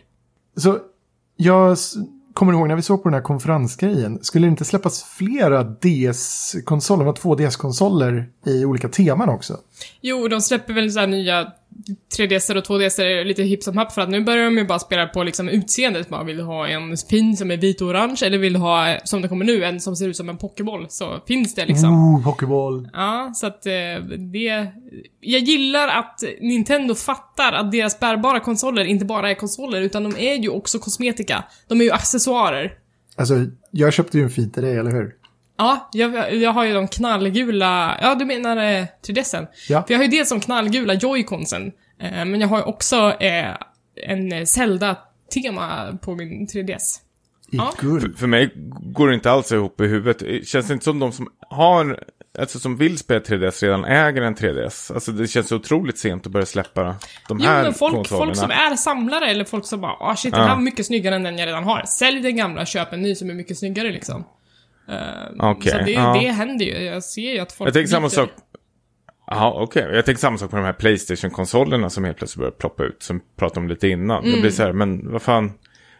Det- kommer det här sälja eller hur många exemplar kommer komma ut? Är det verkligen så lim- Det är såklart det är limited edition, men Mm. eh, jag förstår en helt annan grej om det är någonting man bara klistrar på som för en billig penning med en helt ny konsol. Det är ju, det är ju mycket pengar känner jag ändå. Ja, absolut. Du, du, dyr samling man har ändå. Så är det och det blir ju mer av liksom ett statement där man försöker så visa vem man är och det har ju inte alla råd med liksom. Men jag ser också så här, skitmycket exempel på folk som moddar sin switch och liksom lackerar den så att de får liksom helt custom made precis som de vill ha den. Eh, Och det är inte billigt att göra det om man inte kan göra det själv. Ska vi gå vidare till eh, det stora spelsläppet som, som vi alla har väntat på ganska mycket?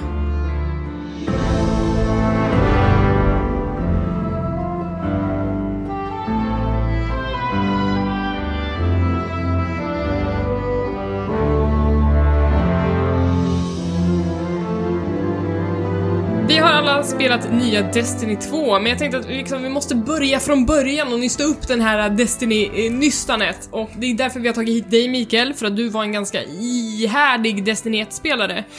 eh, ska vi liksom börja med att kolla lite såhär, vad, vad, är- vad, vad är Destiny som spelserie? Vad är det för någonting och, och vad, vad har ni för relation till det?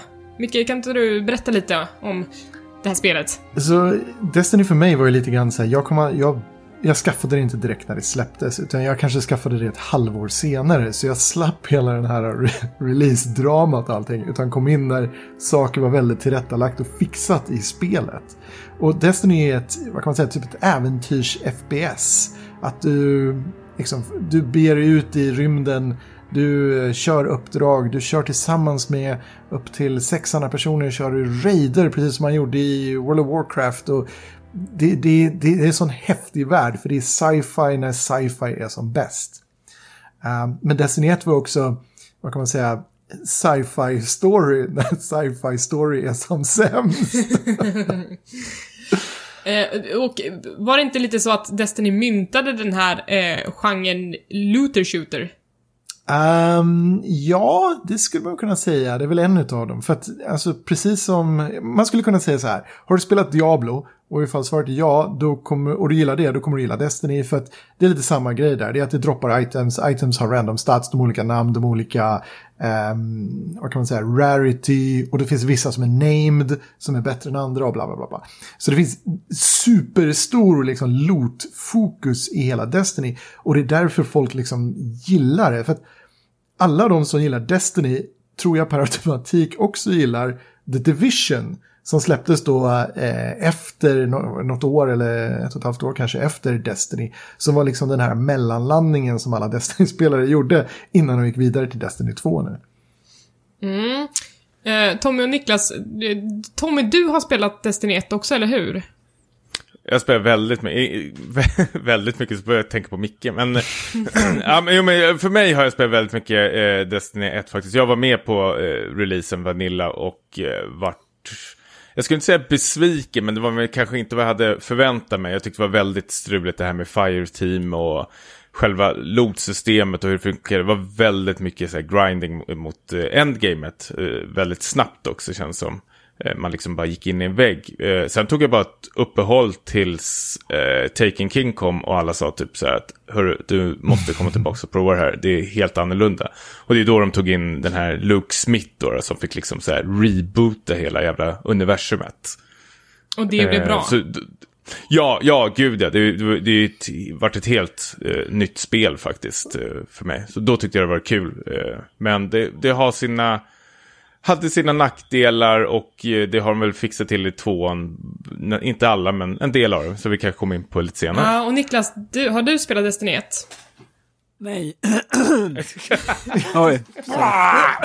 Oj, det lät som den där eh, draken i sin... uh, nej, jag har inte spelat det. Jag, uh, det var mer uh, snarare då The Division som var min uh, inkörsport i den här typen av spel.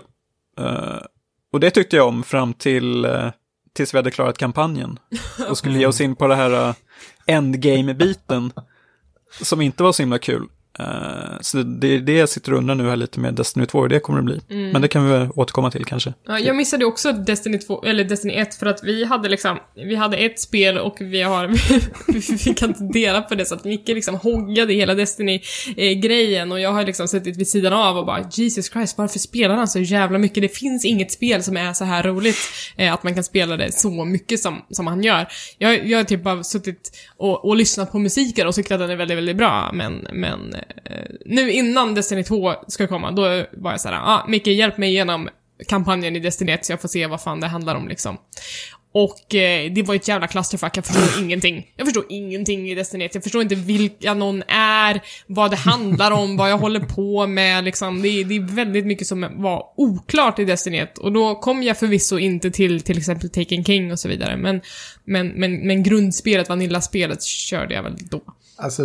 Du är inte ensam om det. Till och med Luke Smith tyckte det var oklart i en intervju. Så när de frågar honom så här, What is the darkness? Uh, well, that's what we're trying to figure it out.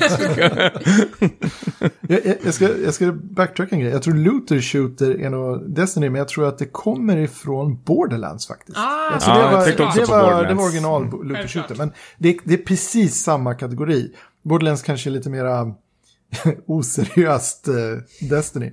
Men, men, jag tycker att så här, Destiny 1 hade mycket problem, men det beror också på liksom utvecklingen och hur de egentligen skulle liksom fixa till spelet innan release. Så på ett år egentligen så skrev de om i stort sett hela storyn. Men det, de typ pusslade ihop de bitarna de redan hade gjort, alla strikes, alla storygrejer och så vidare. Och försökte få det här att fungera med en ny story som de egentligen slaktade allt som har skrivits och gjorde nytt. Så då undrar man ju hur obegriplig var storyn från början? Den, tydligen skulle den cirkulera jättemycket kring eh, en AI som heter eh, Rasputin som finns med i ettan. Just det. Eh, och man skulle typ hålla, åka omkring och befria och rädda och sådana grejer. Men den storyn var tydligen inte superbra så då blev det istället någon så här mishmash mellan allting och bara hej, åk till Venus. Ja men coolt, här är robotar. Oj, nu ska vi åka hit. Här är typ slemmiga maskvarelser och grejer. Men det, jag har ju också rantat lite om det här på Twitter med att eh, det fanns konstiga förväntningar på Destiny som, som de inte lyckades eh, uppfylla för att så här, marknadsföringen var väldigt så här eh, vag. Att det var så här, är det ett häftigt rymdepos eller vad är det för någonting? Är det ett äventyr? Är det liksom, eh, kommer jag förvänta mig en stark story? Eller vad är det för någonting liksom? Och sen så när det väl visade sig att det här är mer så här grindigt, du spelar om samma bana om och om igen. Eh, du det, det som är starkt egentligen i det här spelet är den sociala biten, alltså när du spelar med andra människor. Men det framkom liksom inte i, i lanseringskampanjen när Destiny släpptes för första gången, så att det blev ju liksom en ganska pannkaka av den, det släppet, för att folk förstod inte vad det var för spel. Mm. Man kan säga Destiny 1, det är ungefär som att om man tar, eh, vad heter det, live action-trailern för Destiny 1 och så sätter du på repeat i typ ett och ett halvt år, då det är typ Destiny 1. Ja. Um, men vad är då Destiny 2? Um, jag skulle säga det är en, eh, det är en nystart, en nyuppfräschning av Destiny 1. Det är ju nästan exakt samma spel. Det är, du har sam, eh, inte samma, du har liknande förmågor, du spelar på exakt samma sätt. Uh, det är liknande grafik, det är samma karaktärer, du kan spela din gamla hjälte om du vill göra det. Det är bara att de har gjort allting så här, smidigare, enklare och bättre.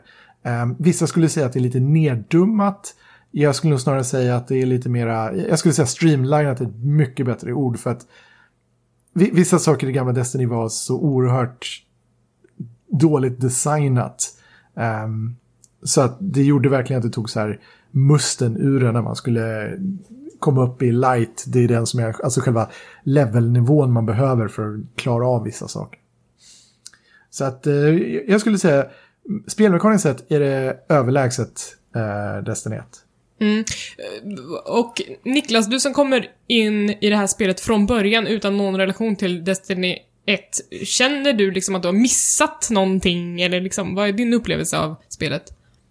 Uh, tänker du typ storymässigt? Ja, både och. Uh... Både gameplaymässigt och liksom, känns det, känns det som att du kommer in på ett bra sätt? Uh, ja, alltså jag har ju haft Tommy som har förklarat liksom grunderna. Kniv mot strupen. Hela tiden. Är du fel så skäller jag.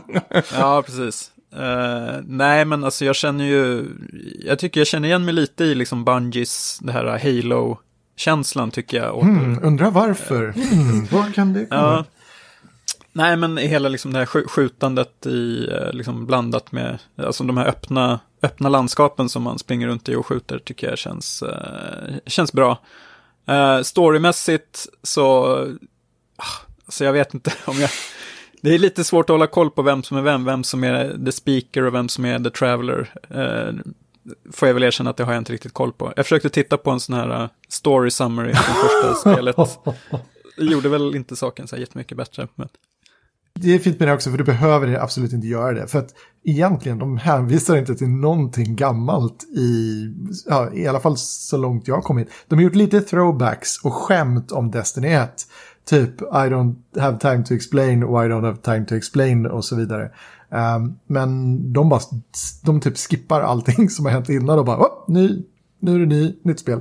Mm. Men, men, men storymässigt så tar det här ju vid, eh, vad ska man säga, att Mm, staden, eller The Tower som, som var din hubb i Destiny 1, där du liksom gjorde alla dina ärenden för dagen och så vidare, eh, är under attack. Och du tvingas därifrån ganska fort och måste bilda ett nytt liv någon annanstans. Så att liksom, Destiny 2 börjar ju med att rasera allting som Destiny eh, cirklade runt och liksom försöker bygga upp det på nytt. Så att det blir ju en clean slate för alla, att, att människorna och Guardians måste liksom hitta en ny plats och en, ett nytt sammanhang och samtidigt försöka slå tillbaka mot det här hotet som har kommit. Eh, som är typ en arg snubbe som vill åt deras magiska krafter. Alltså, jag, jag, jag tittar lite grann på storyn och så vidare, hur den har utspelat sig. Och den är ju väldigt mycket så här gammal mytologi. Det vill säga att så här, där uppe bor Guardiansen, gudarna som aldrig kan dö. Det kommer typ en fiende, de typ tar deras krafter. Och så gäller det då för en typ utan krafter gör resan tillbaka. Och därmed typ får man med människor på sin sida. Och man bara så här, wait, den här storyn, den här är bekant. Den är inte ny. Någon slags Hercules. Ja, det, alltså, den är en sån där, det är, det är verkligen en sån här klassisk mytologistory med gudar, med människor, med, ja, jag vet inte, Det stora, stora sköldpaddsmonster. Uh, så att det, det, det på, på något sätt är det lite så här uppfriskande med en ganska så här straightforward story om man jämför med ettan, där det var verkligen så här, Hej, ni vet eh, de här snubbarna, jo de har uppfunnit en helt ny grej som gör att allt är helt fucked up i typ i hela det här äventyret. Men just roll with it, för det är okej. Ja, alltså någonting också som jag kände mm, inte engagerade på samma sätt i Destiny 1 var väl att jag fick inte, det fanns ingen skäl och inget sammanhang. Jag förstod inte riktigt varför jag gjorde alla de här sakerna för att jag kände mig som en kugge i ett jätte, jättestort maskineri. Det kändes liksom som att jag var Eh, myndighetsanställd. Jag jobbade kommunalt med att utrota liksom hot i rymden. Eh, det var inte någonting jag gjorde för att jag trodde på någon viss, eh, tr- viss sak eller liksom en visst ändamål. Eh, men, eh, och det, det blir väl liksom också för att du får ingen känsla för världen, du vet inte vad det är som står på spel riktigt. Men, men i Destiny 2 så känns det mycket mer som att så här, man får lära känna karaktärerna, det känns som att eh, jag har förlorat någonting viktigt som är viktigt att få tillbaka. Eh, och ja men det är bara så himla mycket mer som utstrålar själ och Mm. personlighet. Att karaktärerna får ta mer plats, att det inte är det stora, det stora ändamålet som är det viktiga, utan det är liksom de här små personliga berättelserna. Men, men det, det kommer ju från egentligen Destiny 1 fixade ju, fixade citationstecken, men det är typ i Taken King. Så helt plötsligt så började alla karaktärer i världen börja integrera lite grann med dig. Plötsligt så, well, var det ju Nathan Fillion som alla känner igen från ja, Firefly. Firefly. Eh, du har eh, Savalla. eh, och du har Ikora som typ är ett litet fireteam som typ guidar dig men som ändå så bestämmer. Och de gör crazy saker och det blir liksom lite mer så här lite rolig actionfilm men väldigt desperat i slutet. Så att jag, alltså det var, det var lite där som vändningen kom att storyn så här nu, nu finns det någonting här under, det finns något bra. Men också att, eh, då har ju liksom Destiny 2 tagit det här och vridit upp det till 11.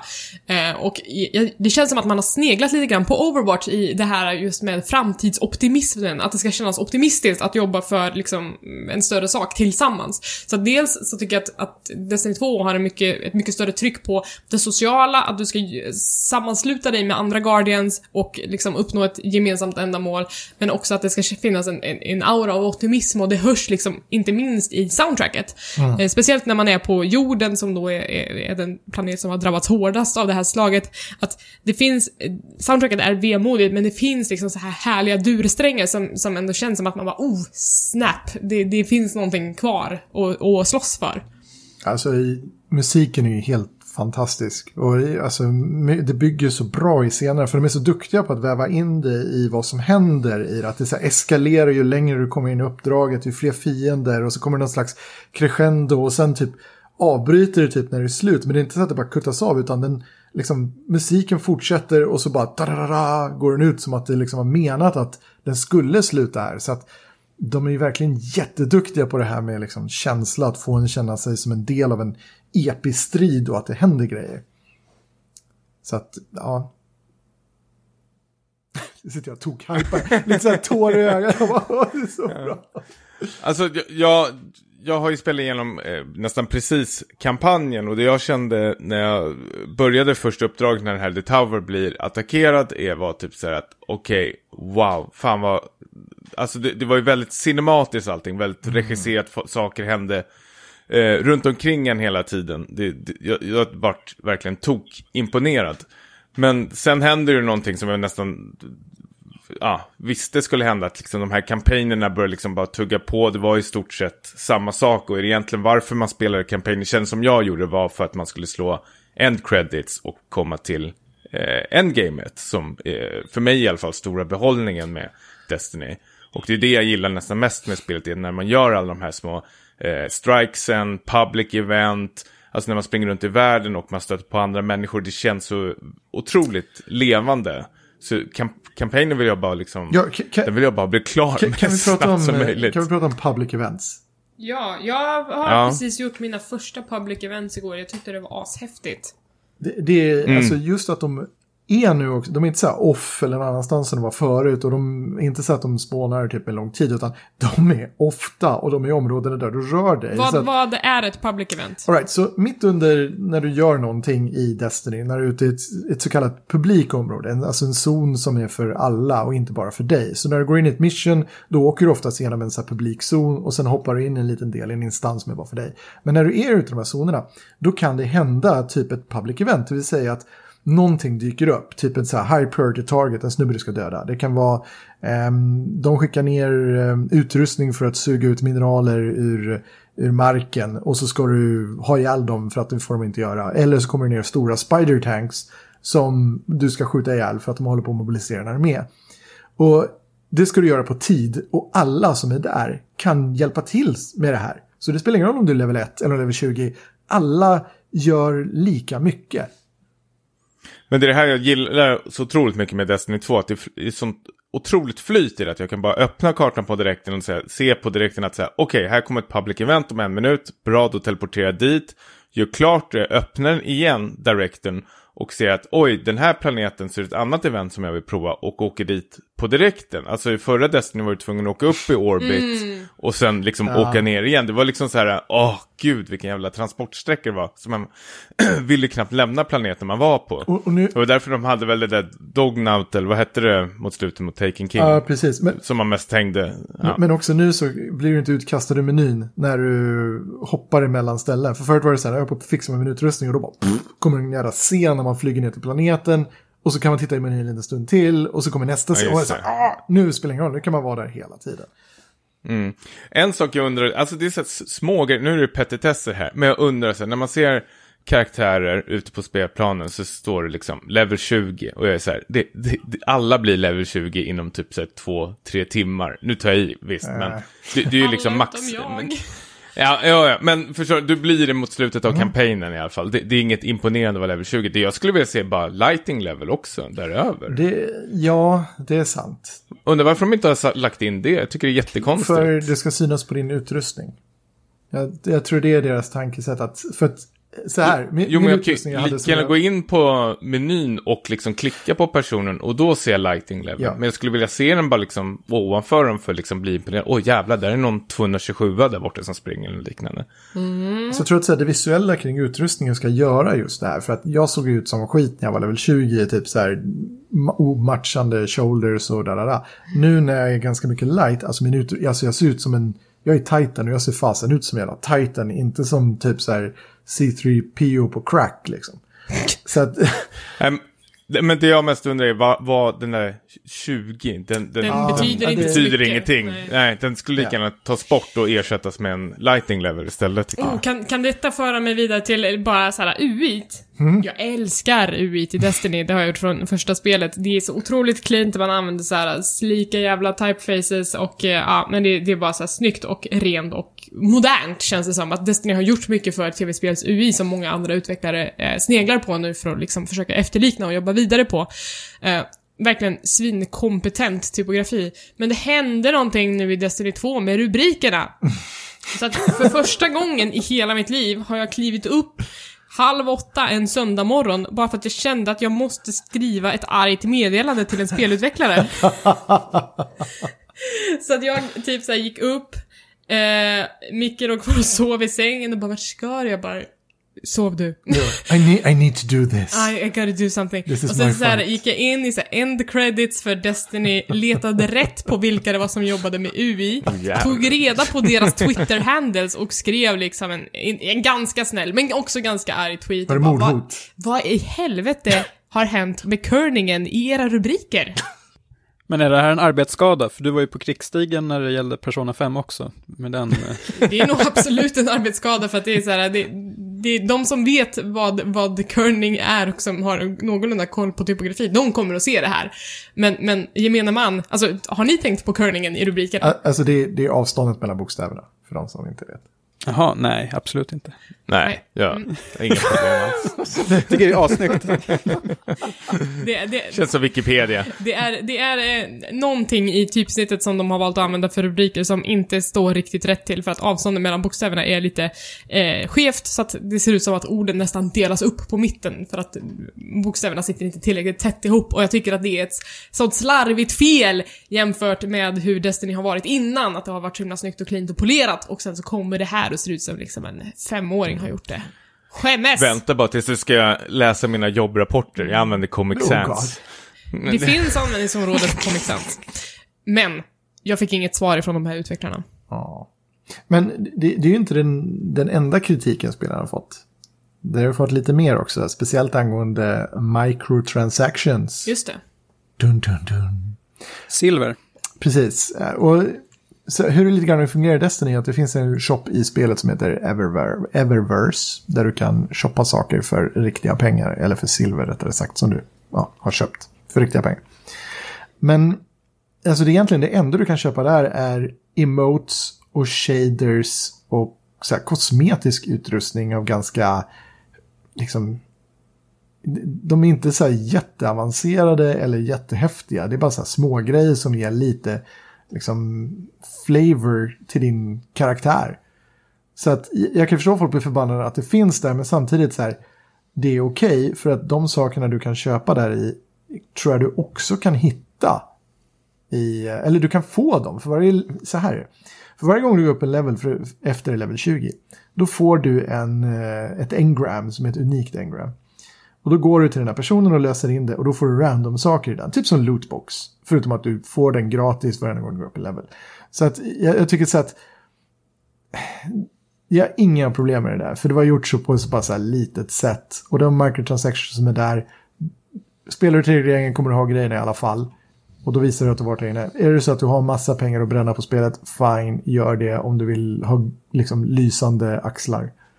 Men är inte det lite mer av en principsak liksom? Att har man betalat 600 spänn för ett spel så vill man kunna få tillgång till allt som finns i spelet. Jo, jo, det, jo, det kan det ju vara. Det, det kan man ju tycka. För, att, för att det finns ju liksom en, en filosofi och det kommer mer och mer liksom att, att eh, man jobbar mer och mer utifrån modellen Games as a Service, det vill säga att du betalar något slags ständigt underhåll till, för ditt spelande snarare än en engångssumma. Men då måste man välja lite grann. Antingen så är det billigare i början och sen så bygger du på ditt spel utmed vägen med mikrotransaktioner. Eller så betalar du liksom klumpsumman och sen kanske för expansioner efteråt. Men då ska det ju finnas liksom mycket innehåll i dem. Det, det vore fint om de hade typ så här, om du köper den här valutan och så vidare, då går pengarna till någonting speciellt. Exempelvis som de gjorde med, de gjorde precis det för, eh, det var väl när det var någon katastrof i Anderna? Eh, de har också gjort grejer för Houston eh, efter orkanen Just Harvey. det, ja. Så att de har gjort sådana här uh, charity-grejer där du kan köpa saker utav dem och då går alla pengar direkt till det. Typ Men det tjänar de inte in- pengar på. Nej, nej, nej, absolut inte. Men jag tycker att så här, det borde ju vara någon konstant grej. Att så här, ja men vi har vår, typ det här är månadens charity och det går alla pengar för silver dit. Det vore Mm. ju awesome. Men det är inte det de är ute efter, de är ute efter att betala lönerna för de som ska underhålla spelet också. What? Trust me, jag jobbar på ett företag som eh, vet hur det är med microtransactions. Ni har väl inga microtransactions? inte nu längre. Ooh. Eh, vad har vi mer då? Jag kan säga så här, jag tänker inte spela några strikes eller något liknande. Jag har, jag har ju lagt det här på is nu. Jag har lagt ner Destiny 2. Kom igen, vi, spel, vi spelar Strikes. Efter det här då spelar vi Nej, det En blir inget mer Destiny Kort 2 förrän oktober. För då kommer PC-porten. Precis, och det är den jag är mest taggad på. Nu har jag liksom provat spelet, jag har provat lite public event, jag har inte sett någonting från strikesen, jag vet ingenting om dem, jag har inte sett någonting från raiden och det... Eh, så tänker jag hålla tills, ja, oktober då, då och då eh, har jag ett gäng vänner som sitter och också väntar, som bara har PC. Då är vi ett gäng eh, som ska köra igenom det här tillsammans. Det ser jag otroligt mycket fram emot faktiskt. Eh, men hur är strikesen? Du vill veta? Hur många strikes finns det? Ja, men det, det vill vi alla veta. Är de bra? Är de utan att spoila någonting? Ehm, jag, jag tror att det är en strike per planet. Jag är inte helt hundra där. För jag, jag är inte helt hundra på om jag har spelat allihopa. Jag brukar ju bara köra på en playlist och sen köra dem. Eller så kör jag det som kallas för Nightfall som är typ en mycket, mycket svårare version av striken. Och um, De, Är de pissvåra, Nightfall? Uh, nej, alltså de är väl typ som man har spelat Destiny 1 är ungefär lika svåra där. Men de är mycket, mycket svårare än vanlig strike. Bara det också att de kräver mycket högre i light level egentligen. Så att, är de svårare? Ja, det är de. Ska de vara mycket svårare? Ja, och de går att göra ännu svårare. Typ. Så de finns ju för en högre light level ändå och då blir de ännu, ännu svårare. Och ger förstås bättre loot. Um, men de, de är bra. Alltså det är så här, du får ju en slags eh, typ intro till varför du är där med, du får din lilla Ghost som berättar varför du är där och så får du en annan röst och så säger de till att undersöka någon grej och så får du gå igenom liksom en, en mini-story tillsammans med två andra vänner. Mm. Eh, det jag undrar också är, vad händer, alltså hur, hur länge kan det här endgamet hålla på? För det kände jag lite med Destiny 1, att det tog slut, alltså tog slut väldigt snabbt. Jag har ju lagt ner över 100 Men timmar. är luften går ju liksom ut tiden ur innan en expansion kommer. Precis, eh, för det känns att man just nu försöker man dinga upp till den här raiden som bara finns en. Och jag skulle känna personligen att ha, om jag klarar den, hypotetiskt, då är jag liksom klar med spelet. Alltså det finns ingenting värre eller något annat än just den där raiden. Eller har jag helt Gear, fel? ha- Förutom PVP. Ja, PvP och grejer. Men, Men alltså, Bungie har ju lärt sig en hel del hur man gör det här från Destiny 1. För, framförallt är det just det här, det första de släppte var typ så här, här är en raid och så klarade folk den och sen bara, ja, nu har vi ingenting att göra. Men nu har de, vad de har lagt till egentligen till alla eh, så här, raider och, och i- också med Nightfall och sånt där, är att det finns ju ehm, challenge modes. Typ att de finns i högre svårighetsgrad. Eller att du måste spela det på ett specifikt sätt för att få en specifik loot-grej eller få högre loot. Så du kan aktivera liksom en slags svårare version av den boss-encountern och försöka grinda ner den. Och att göra det tillsammans med liksom ett, ett väloljat gäng med polare är ju superroligt. Att göra det med ett gäng randos ja, mm, inte, inte lika kul. Om vi säger så. Men det, det, ja, det, jag, jag tror att de har lärt sig också mycket mer vad det gäller pacing och när de släpper grejer. Att de kommer släppa saker mycket, mycket snabbare. Eh, så jag tror inte det kommer dröja länge för att de annonserar nästa raid. Som borde ju egentligen finnas i spelet redan nu. Det var att de ska aktivera. Jag har ju lite tvärtom problemet att jag eh, känner att det går så himla långsamt för mig att komma till level 20. Alltså, det känns som att ni vet, man, man går på typ lågstadiet och man ska ut och springa i skogen och om man springer fem kilometer då finns det glass på andra sidan. Men man är så himla otränad så man bara kommer aldrig dit och sen så står alla där borta och äter glass och sen så liksom, man kommer aldrig komma fram. Så känns det för mig. Men kör, men kör du själv på Jag kör kampanjen? kampanj själv för att jag, eh, jag, jag känner att jag vill inte stressa fram en story som jag vill uppleva. Eh, vilket jag vet att om jag spelar med till exempel Micke, då kan det stressas igenom en story. Jag är bättre på det nu. För tidigare, för tidigare var det mycket så här, kom igen nu springer vi hitåt, nu kom igen nu går vi hitåt. Ja. Men förra gången vi körde Destiny 1, då var det mer att jag så här, jag var den här äh, AI-personen som bara följer companion. efter. En companion som bara följer efter och så här headshotar grejer. Hon säger till mig typ så här, nej den här bossen är svår. Jag bara, yes, yes, I will kill this boss. Men eh, nej, jag kör eh, kampanjen själv för att jag känner att jag vill uppleva det på egen hand och sen så vill jag liksom eh, ta tag i in-game och då vill jag köra tillsammans med folk. För att liksom, det som är starkt med Destiny 2 är väl liksom den sociala biten, att det ska vara kul att spela ihop och det har väl de fattat också. Alltså jag, jag körde ju också storyn själv. Jag tyckte det var bäst. Ja, men då är det kanske så man ska göra. Men det går så långsamt och alla andra bara gör så strikes och raider och jag bara, jag är fortfarande på den här tredje planeten.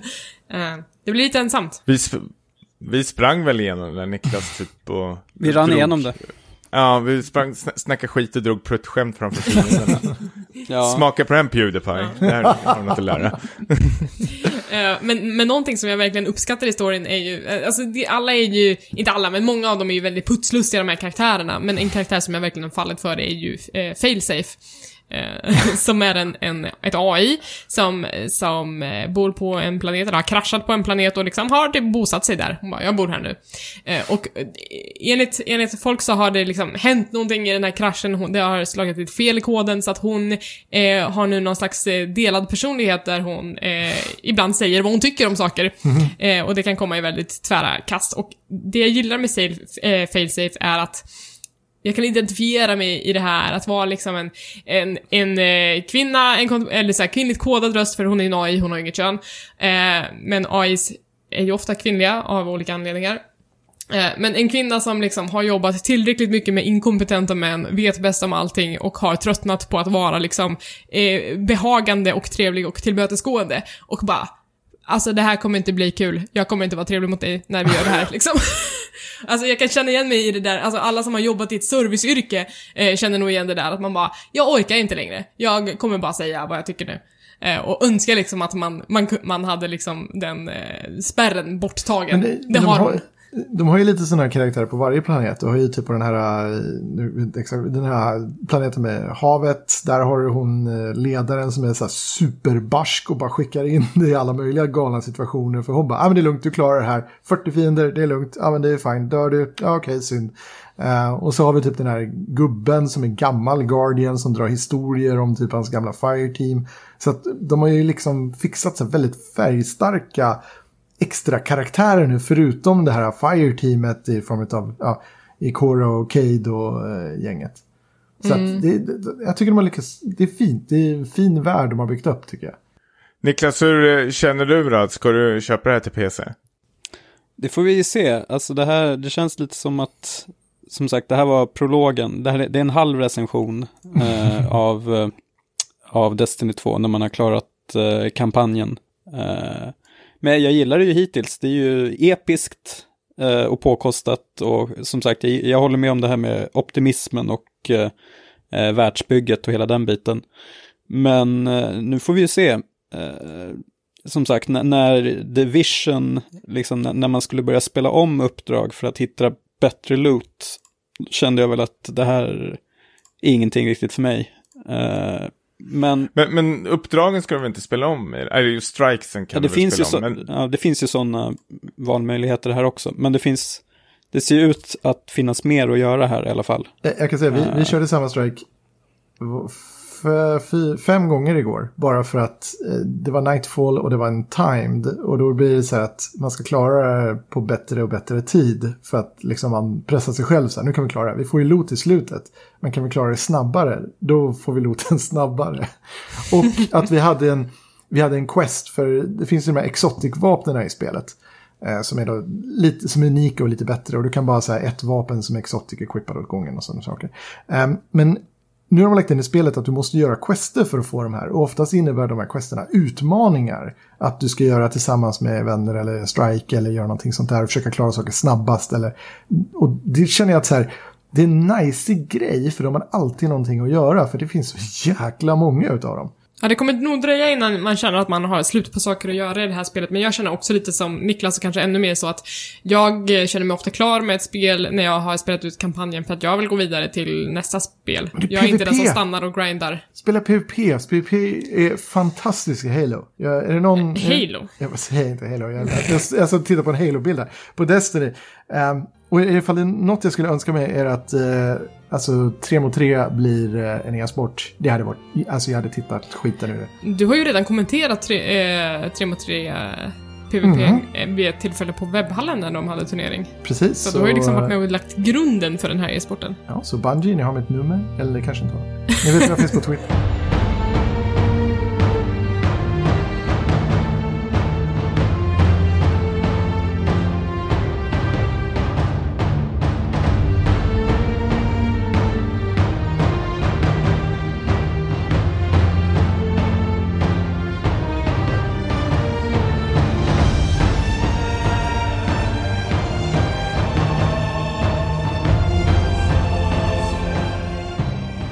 Hörni, det får faktiskt räcka så för idag, för det blir liksom extra mat och ett extra långt avsnitt. Men, men eh, tack så mycket Micke för att du har varit här och delat med dig av all din härliga Destiny-passion. Ja, det är jag som ska tacka för att få vara med. Ja, vi, vi får skippa liksom topp 3-listan för vi, vi har helt enkelt inte tid. Eh, I nästa avsnitt, vad kommer vi spela då? Danganronpa. Ja, för att Danganronpa 3 har äntligen kommit. Tommy, du har ju längtat så länge. Ah, oh, herregud när det trillar ner i brevlådan. fy fan. Jag har redan börjat spela ja, den. Mer får jag inte säga faktiskt. Nej. Jo, embargon har gått ja. ut. Ja. ja. Mördaren är... Nej, nej det får inte säga. Pappa. Papageno! Papageno, Papageno. Jag kommer spela Dishonored 2, Death of the Outsider är planen. Ooh. Det är alltså den nya eh, expansionen, fast fristående, precis som Uncharteds eh, senaste släpp var eh, till Dishonored. Eh, Niklas, du hade sneglat lite på Cuphead också, som vi har pratat mycket om.